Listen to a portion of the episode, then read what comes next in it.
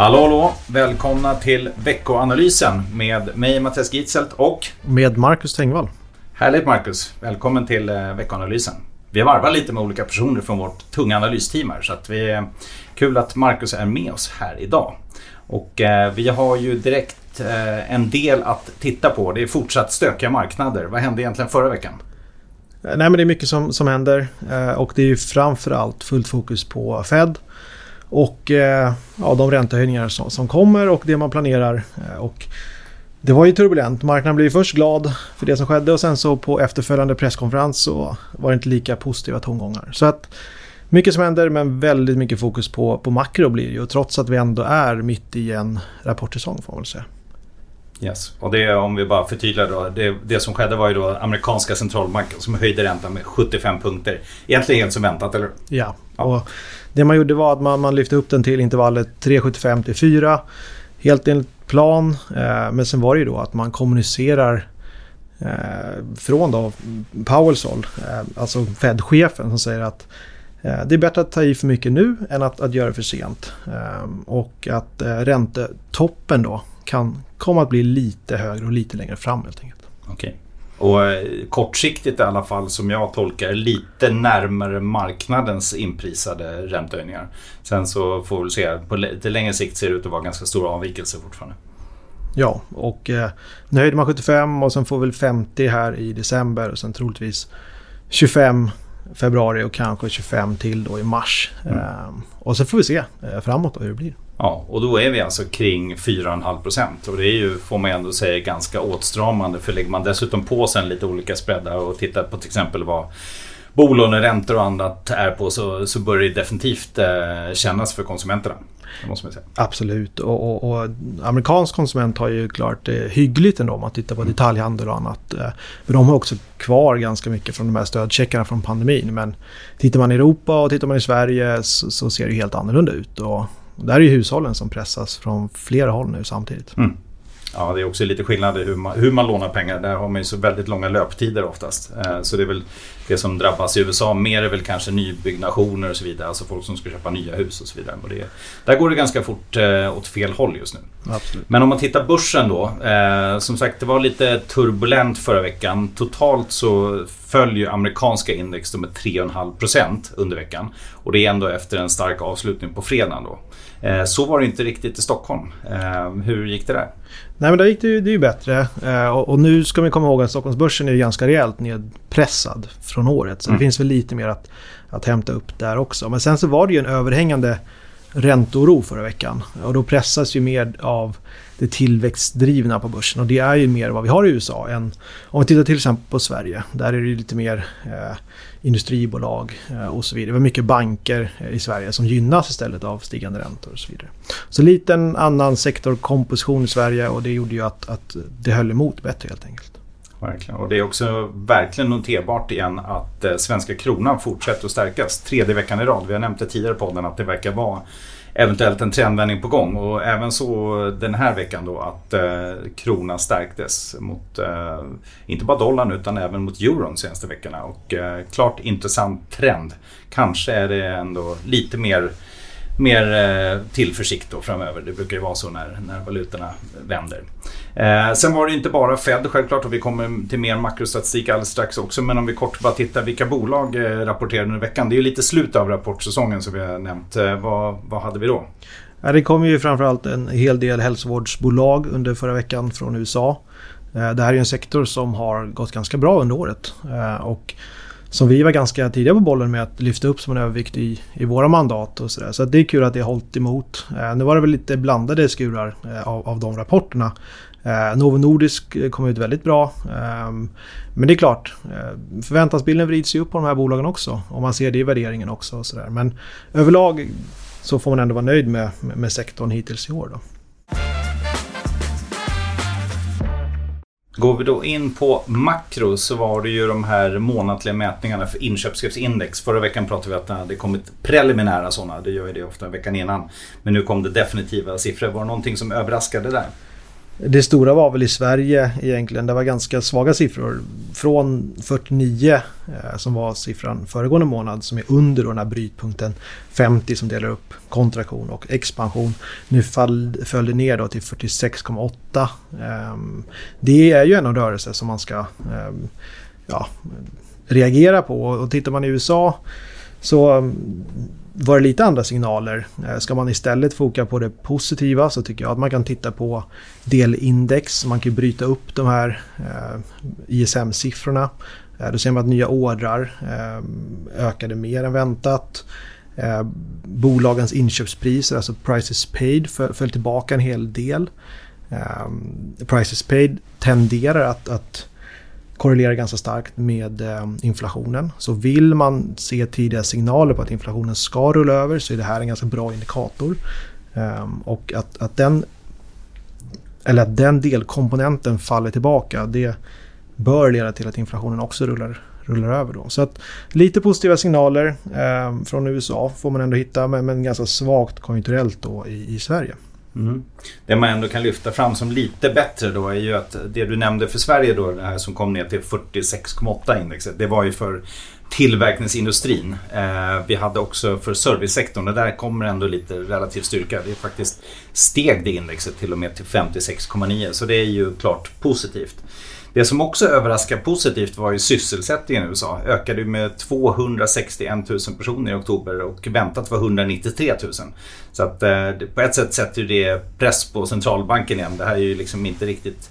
Eh, ja, någonstans borde det här bli, bli en stramare eh, situation. Men eh, onekligen så, så, så är det fortsatt väldigt, väldigt bra arbetsmarknad. Och, eh, det, däremot så kan man titta på arbetslösheten. Den steg faktiskt från 3,5 till 3,7 procent. Men där kan det vara fler saker som, som ligger till grund eh, mm. i, i den siffran. Um, hade vi något mer under veckan? Ja, centralbankerna, vi nämnde Fed, um, Bank of England höjde räntan också va? Ja, 75 punkter som, som Fed egentligen. Eh, brukar inte lägga allt för mycket fokus på eh, makro från Storbritannien. Sådär. Men, men, nu när många centralbanker går åt samma håll så är det intressant att, att se en, en samsynighet i det här. Då. Eh, så att även de höjer och eh, det är den vägen de flesta av de utvecklade eh, marknaderna går nu. Härligt. Och eh, om vi då går över till den här veckan, vad har vi för viktigt då? Vad tror du marknaden fokuserar på?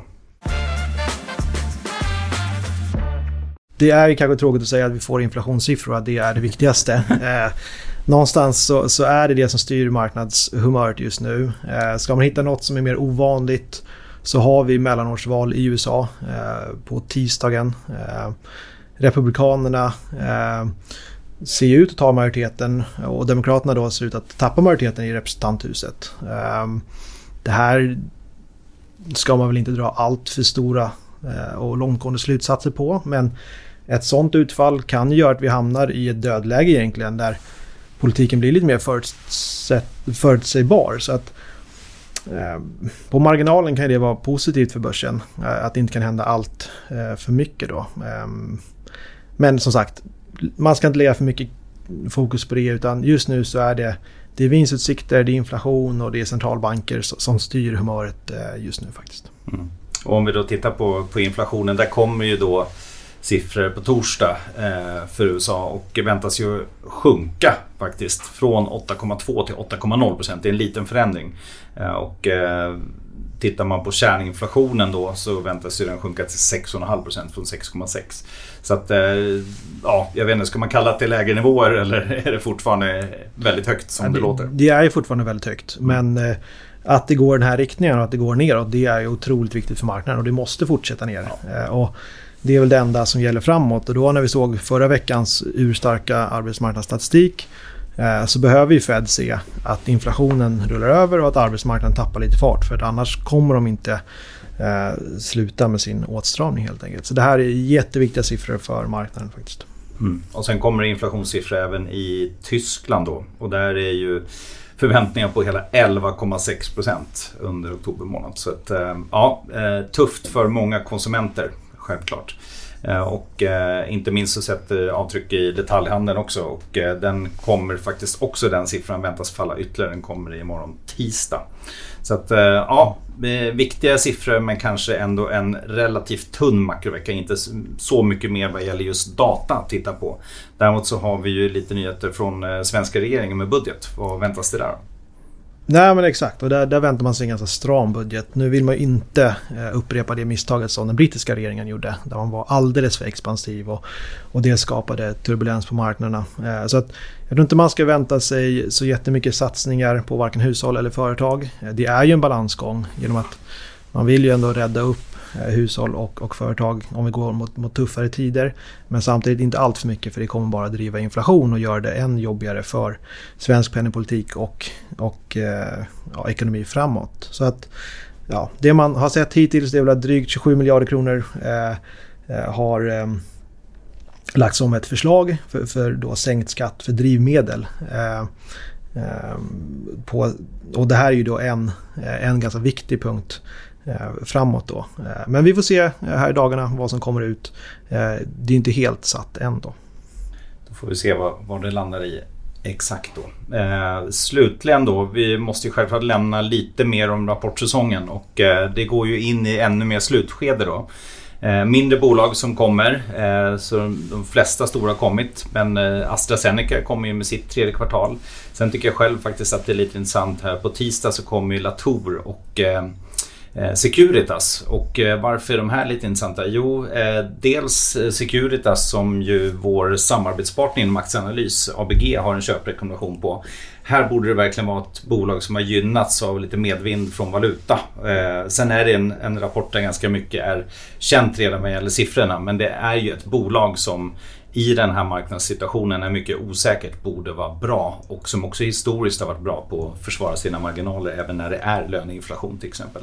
Så Securitas tycker jag själv är lite spännande. Det andra är ju då Latour Eh, som vi har med i våra portföljförslag som vi tycker passar in bra om man nu gillar investmentbolag. Och, eh, är ju ett bolag som har gått riktigt dåligt i år. Det är ner över 40 procent, eh, så sämre än börsen. Eh, men historiskt har man faktiskt varit väldigt duktig på att utveckla befintliga innehav och liksom visa bra tillväxt, god lönsamhet. Ehm, och eh, har varit framgångsrika i att hitta nya bolag. Det senaste förvärvet i Citec ehm, är någonting som, som ser väldigt intressant ut. Eh, Latour allmänt är ju ett bolag som är hälft till hälften ungefär onoterade innehav eh, och hälften är eh, börsbolag då. Man har ju en del i Securitas bland annat, alltså Assa Abloy och så vidare. Men eh, de onoterade tycker jag i alla fall är lite intressanta. Sådana här bolag som Hultafors och Nordlock och så vidare.